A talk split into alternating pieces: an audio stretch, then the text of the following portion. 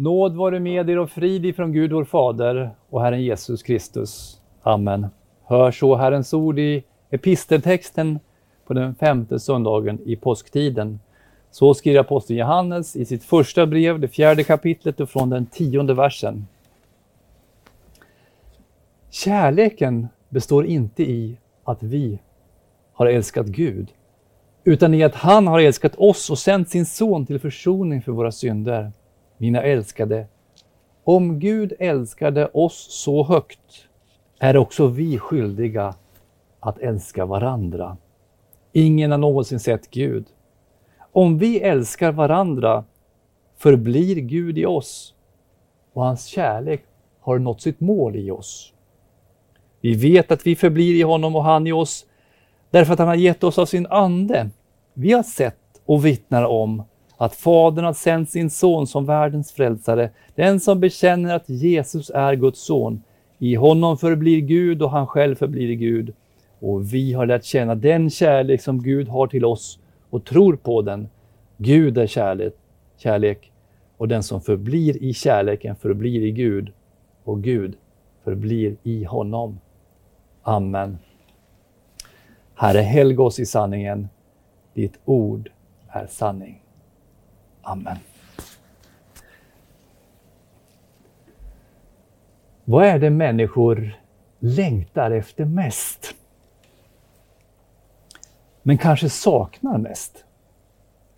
Vad är orsaken till att det går bra eller dåligt i familjer, i äktenskap, i samhällen, ja i alla sociala sammanhang?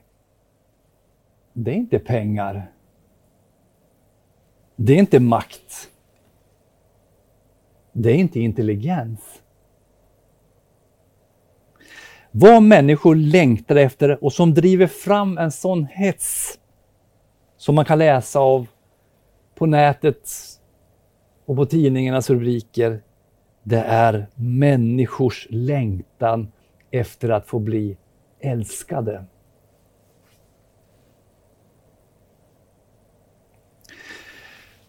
Nu läser vi om hur den musikaliska superartisten, superstjärnan Avicii dött, 28 år gammal. Vad var det som drev honom att ibland jobba 16 timmar om dygnet med sin musik? Det var inte pengar enbart. Det var inte intresse enbart. Det var längtan efter att få bli älskad. Och älskad blev han av miljontals människor. Sveriges mest spelade artist på Spotify. På Sergels torg förra lördagen så samlades tusentals människor för att uttrycka sin saknad av artisten. I Aviciis låt Hope there is someone från 2013 så diktar han fritt översatt. Jag hoppas att det är någon som ska ta hand om mig när jag dör. Kommer jag att gå? Och jag hoppas att det finns någon som kan befria mitt hjärta. Människor vill bli älskade. Man vill vara omtyckta. Och därför gör vissa människor allt för att synas. Många vill förbättra sitt utseende, andra vill göra intryck genom yrke eller karriär. Bristen på kärlek å andra sidan leder till isolering, utanförskap, ensamhet. Brist på kärlek kan till och med leda till hat, till våld, till mord, ja kanske till och med krig. Människor vill ha andras kärlek och människor vill ha Guds kärlek. Att längta efter andras kärlek kan handla om att längta efter att bli accepterad. Och därför finns icke-kristna religioner. Man vet att Gud är rättfärdig och man vet att en rättfärdig bestraffar det onda och belönar det goda. Om man vet att vi på det ena eller andra sättet kommer till korta inför denna heliga och rättfärdiga Gud. Att vi misslyckas med att leva efter Guds lag, att vi syndar och därför försöker man kompensera för sina misslyckanden genom sina egna offer. Man tror att man kan stämma om Guds hjärta genom att göra fler goda gärningar än onda gärningar, genom att visa upp en viss lydnad, genom att visa att man gör så gott man kan. Det är ungefär som maken som har glömt att fira sin hustrus bröllopsjubileum och köper blommor för att kompensera. För att tro att hon blir gladare då. Man tror att man kan stämma om Guds hjärta. Man tror att man kan muta Gud. Den icke-kristna religionen bygger på rädsla. Man vet inte var man har sin Gud.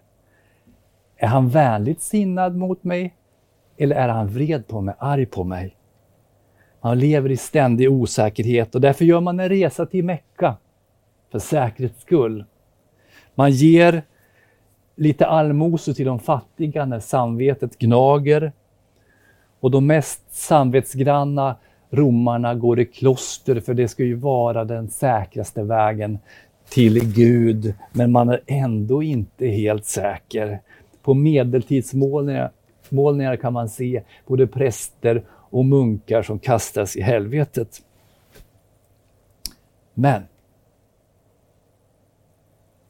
behöver vi vara osäkra på Guds kärlek till oss? Och om vi kan vara säkra på att vi är älskade av Gud, på vilken grund vet vi det? Hur kan vi veta? Dessa frågor besvarar dagens text. Och är inte svaret vad nutidsmänniskan behöver höra? Rör inte evangeliet, budskapet om Guds nåd i Kristus, själva hjärtat i vad nutidsmänniskan, ja människan i alla tider saknar? Johannes inleder dagens text. Kärleken består inte i att vi har älskat Gud, utan i att han har älskat oss och sänt sin son till försoning för våra synder. Läs här. Det står inte att du vet att Gud älskar när du upplevt hans kärlek. Det står inte att du vet att Gud älskar när du är den som Gud vill att du ska vara. När du gjort tillräckligt. När du visat honom eller andra kärlek. Aposteln talar om någonting som har skett.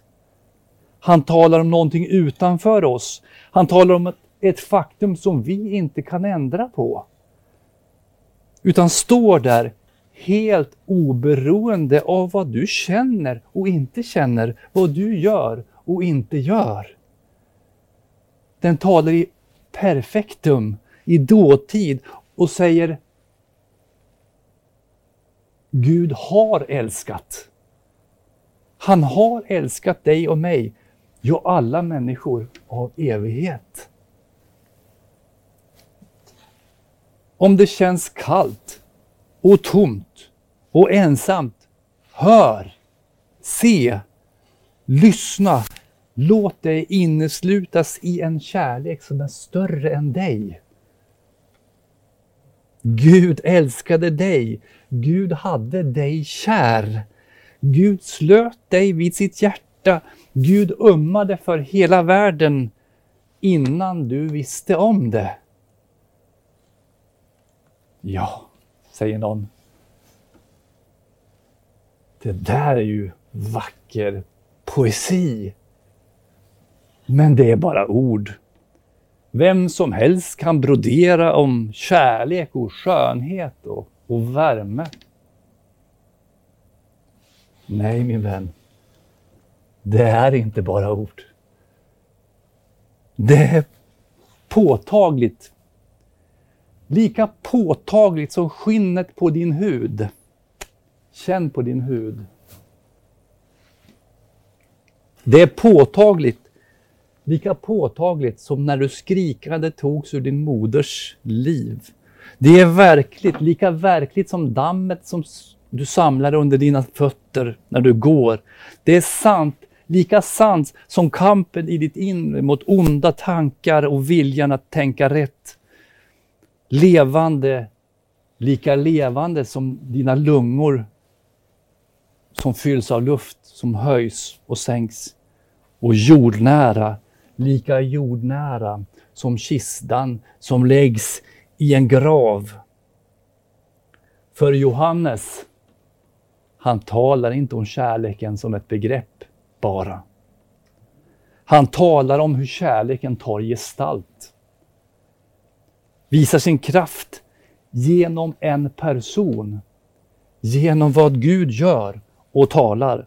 Kärleken består inte i att vi har älskat Gud, utan i att han har älskat oss och sänt sin son till försoning för våra synder. Du och jag kan vara säkra på att Gud älskar och älskade därför att han själv uttrycker sin kärlek till oss i handling. Människan, människan har genom sitt onda hjärta, sina orena tankar, sina missriktade handlingar lämnat Gud redan i Eden. Och Gud skulle, utan att rättvisan kunde klandra honom, låtit människan få upphöra att existera. Han kunde låtit henne få gå under i sitt eget uppror, sin egen vilsenhet. Men han gjorde det inte. Gud står det, Romarbrevet 5.8, bevisar sin kärlek till oss genom att Kristus dog i vårt ställe medan vi ännu var syndare. Så älskade Gud världen. Så älskade Gud världen att han utgav sin enfödde son för att den som tror på honom inte skall gå förlorad utan ha evigt liv. Därför vet vi att Gud älskar. Det är inte abstrakta begrepp, tomma ord. Guds kärlek till oss är lika verklig som huden på hans kropp. Guds son blir människa, en av oss. Han föddes på samma påtagliga sätt som oss genom jungfrun Maria, som du och jag föddes. Han trampade dammet under sina fötter. Han fick kämpa med samma tankar som attackerade oss. Han andades vår luft och levde ett jordiskt liv som du och jag, med den skillnaden att han inte misslyckades med att lyda Guds lag. Kanske mer påträngande än oss fick han uppleva ensamhet när han övergavs av sina lärjungar. Smärta smärta när man piskade honom och drev in spikar i hans händer och fötter. Och död blev han när han gav upp andan på korset. Så verkligt nära var och är den enda sanne guden och så påtaglig och jordnära är Guds kärlek till oss. Det är inte bara ett ordens ”jag älskar dig” Han skriver Jag älskar dig med sitt eget blod på ditt hjärta. Hans död, det är inte bara ett kärleksbevis när han dör i vårt ställe. Det är vår biljett till himlen. Och hans uppståndelse är kvittot på vårt arv, vårt barnaskap till Gud, vårt medborgarskap i Guds rike. Därför att Gud sänt sin son till försoning för våra synder. Synderna var vad som skärmade oss ifrån Gud, vad som skapade vårt utanförskap. Men nu har ni som är i Kristus Jesus och som en gång var långt borta kommit nära genom Kristi blod. Efesierbrevet 2, vers 13. Han är försoningen och det betyder att han har gjort allting väl mellan oss och Gud genom att dö på korset i vårt ställe. Det är kärlek. Det är därför vi vet att Gud älskar oss. Vi lider ingen brist på kärlek ifrån Guds sida. Gud älskar oss innerligt. Och om vi inte känner oss älskade så är det så är det inte för att vi inte är det.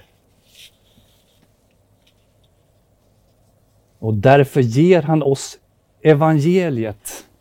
Han ger oss det glada budskapet om Guds nåd i Kristus för att lyfta otrons slöjor från våra sinnen för att vi ska se. Och därför ljuder detta glädjens budskap idag till oss här i Uppsala för att vi ska se och förstå att Gud älskar och hur han älskar oss ända in i döden och ut ur graven för vår skull. Om vi inbillade oss att allting hänger på vår kärlek så rättar oss Johannes idag. Kärleken består inte i att vi har älskat Gud, utan i att han har älskat oss och sänt sin son till försoning för våra synder. Nej, det betyder inte att vår kärlek till Gud och varandra är meningslös. Tvärtom. Guds kärlek till oss, den ger ju oss kraften och förutsättningarna för vår kärlek till Gud och varandra. Aposteln Johannes fortsätter därför i dagens text. Mina älskade, vers 11. Mina älskade, skriver den gamle aposteln Johannes. Om Gud älskade oss så högt är också vi skyldiga att älska varandra. På ett annat sätt ställe säger han, vi älskar därför att han först har älskat oss. Och hur skulle vi kunna göra annat? Han älskar oss och han älskar alla människor. Hur skulle vi kunna hata en människa som Gud älskar? När vi ser, har, har ni tänkt på det? Att nu pratar jag lite grann om vardagligt tal. När vi ser någonting fint, har ni tänkt på det? Då kanske vi säger, jag bara älskar den sången. Eller, jag bara älskar den tavlan. Eller när vi ser en person som vi tycker är särskilt trevlig och beundransvärd, då kanske vi säger, jag bara älskar den personen. Men Gud lär oss att se på våra medmänniskor på ett nytt sätt, på ett annat sätt. Guds kärlek är förutsättningslös. Gud älskar inte oss för vad vi är eller vem vi är eller vad vi gör eller på grund av vad vi är, utan trots vilka vi är. Medan vi ännu var svaga, står det Romarbrevet 5 och 6, dog Kristus i ogudaktiga ställe när tiden var inne. Vers 8, samma kapitel. Gud bevisar sin kärlek till oss genom att Kristus dog i vårt ställe medan vi ännu var syndare. Ja, det står till och med vers 10. Medan vi var Guds fiender blev vi försonade med Gud genom hans sons död. Och denna gudomliga, förutsättningslösa kärlek som Gud visar oss, samma kärlek vill han ska prägla oss som är hans barn, som Jesus förklarar i bergspredikan, Matteus 5. Vad säger han där? Älska era ovänner och be för dem som förföljer er. Då är ni er himmelske faders barn. Han låter sin sol gå upp över onda och goda och låter det regna över rättfärdiga och orättfärdiga.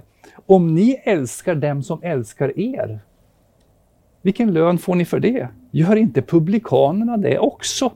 Om ni hälsar endast på era bröder, vad gör ni för märkvärdigt med det? Gör inte hedningarna det också?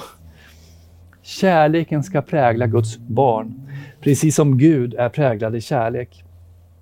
I vers 16 i dagens text står det att Gud är kärlek. Inte bara det, Kärleken mellan Guds barn är så viktig att Johannes förklarar att kärleken gör Gud synlig bland oss. Han skriver, vers 12. Ingen har någonsin sett Gud. Om vi älskar varandra förblir Gud i oss och hans kärlek har nått sitt mål i oss. Eller ordagrant eh, har blivit fullbordad, fullkomnad i oss. Vi kan inte se Gud med våra fysiska ögon. Men vi kan se Gud med våra fysiska ögon när kristna visar kärlek till varandra och till människor utanför Kristi kyrka. Då är det Gud som handlar genom oss. Då blir Gud synlig. Begreppet kärlek i Bibeln, det är ju inte främst vackra ord, utan det är handlingar. Det är när du och jag betjänar våra medsyskon och medmänniskor. Det är när vi ger våra systrar och bröder, lånar våra öron åt våra systrar och bröder en stund, ger några tröstens ord, när vi tjänar församlingen med vår tid, våra egenskaper eller våra tillgångar. Då gör vi Guds kärlek synlig bland oss. Men man ska ju inte förstå det så att Gud betingar sin kärlek, förlåt, betingar sin närvaro av vår kärlek. När han säger om vi älskar varandra förblir Gud i oss. Alltså att Gud skulle ta bort sin närvaro när vi misslyckas med att visa en sån kärlek som han tänkt. Nej, orden ska ses mot bakgrund av vad han säger innan. Ingen har någonsin sett Gud. För finns tron, finns gemenskapen med Gud, då finns också livet och kärleken. Som Jakob förklarar i sitt brev, om en broder eller syster inte har kläder och saknar mat för dagen och om någon av er säger till dem, gå i frid, klä er varmt, ät er mätta, men inte ger dem vad kroppen behöver, vad hjälper det?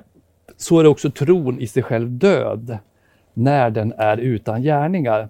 Nu säger kanske någon, du har tro. Ja, men jag har också gärningar. Visa mig din tro utan gärningar så ska jag visa dig min tro genom mina gärningar. Jakobs brev kapitel 2, vers 15 och följande. Det är så tvärtom. Guds kärlek till oss, tron på evangeliet kommer först.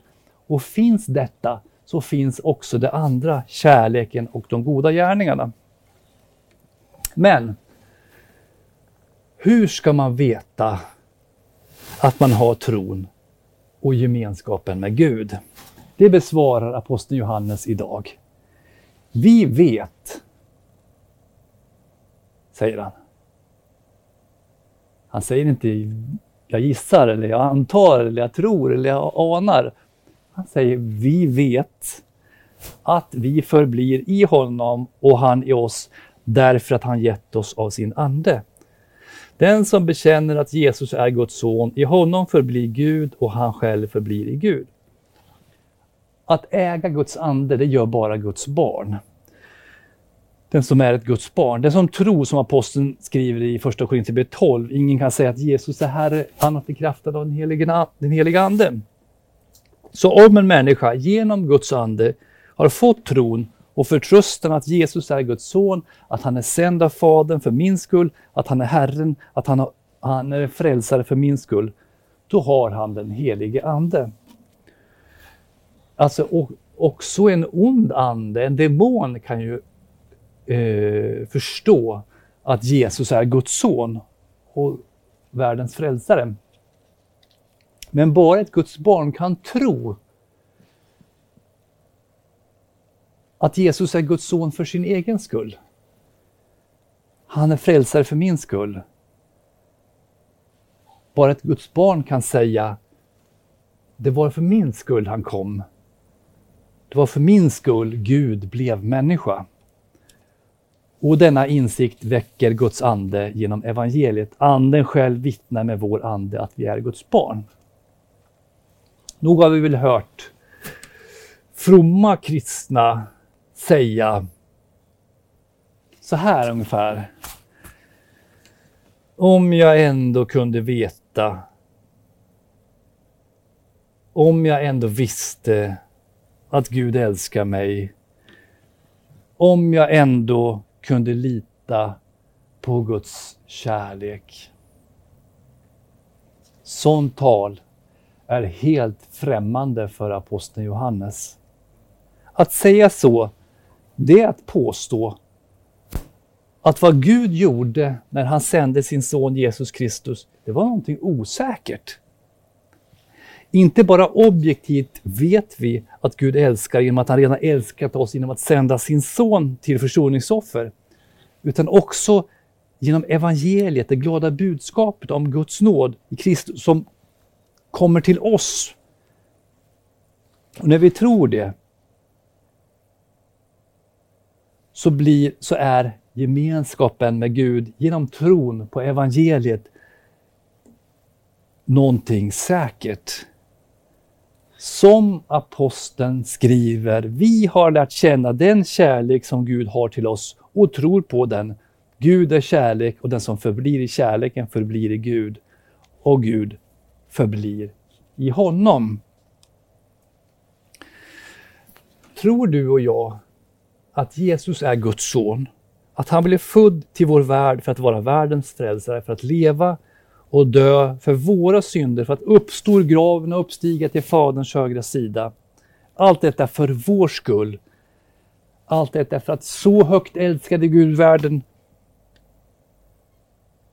Allt detta för att så uppenbaras Guds kärlek till oss. Han sände sin enfödde son till världen för att vi skulle leva genom honom. Om vi tror det, då kan vi också säga samma sak som Johannes. Vi har lärt känna den kärlek som Gud har till oss och tror på den. Gud är kärlek och den som förblir i kärleken förblir i Gud och Gud förblir i honom. Tänk om Avicii hade lärt känna den kärleken. Då hade han inte diktat ”Jag hoppas att det är någon som ska ta hand om mig när jag dör. Kommer jag att gå? Och jag hoppas att det finns någon som kan befria mitt hjärta.” Då hade han kanske istället diktat ”Jag vet att det finns en som ska ta hand om mig när jag dör.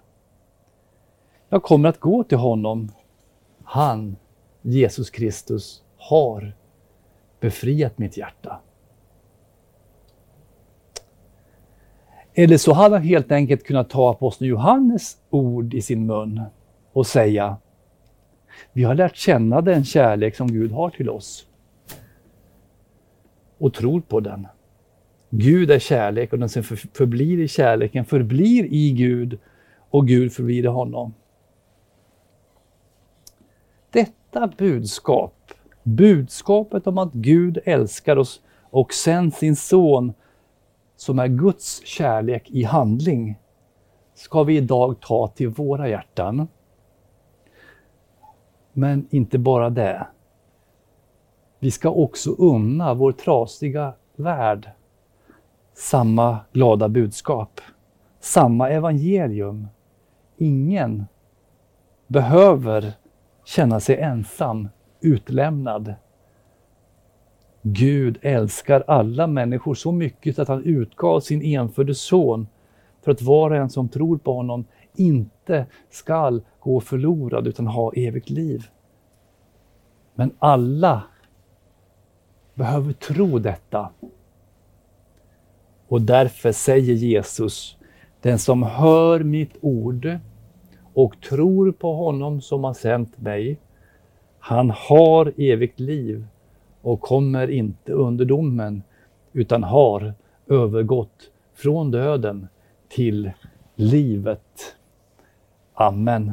Låt oss bedja. Käre himmelske Fader.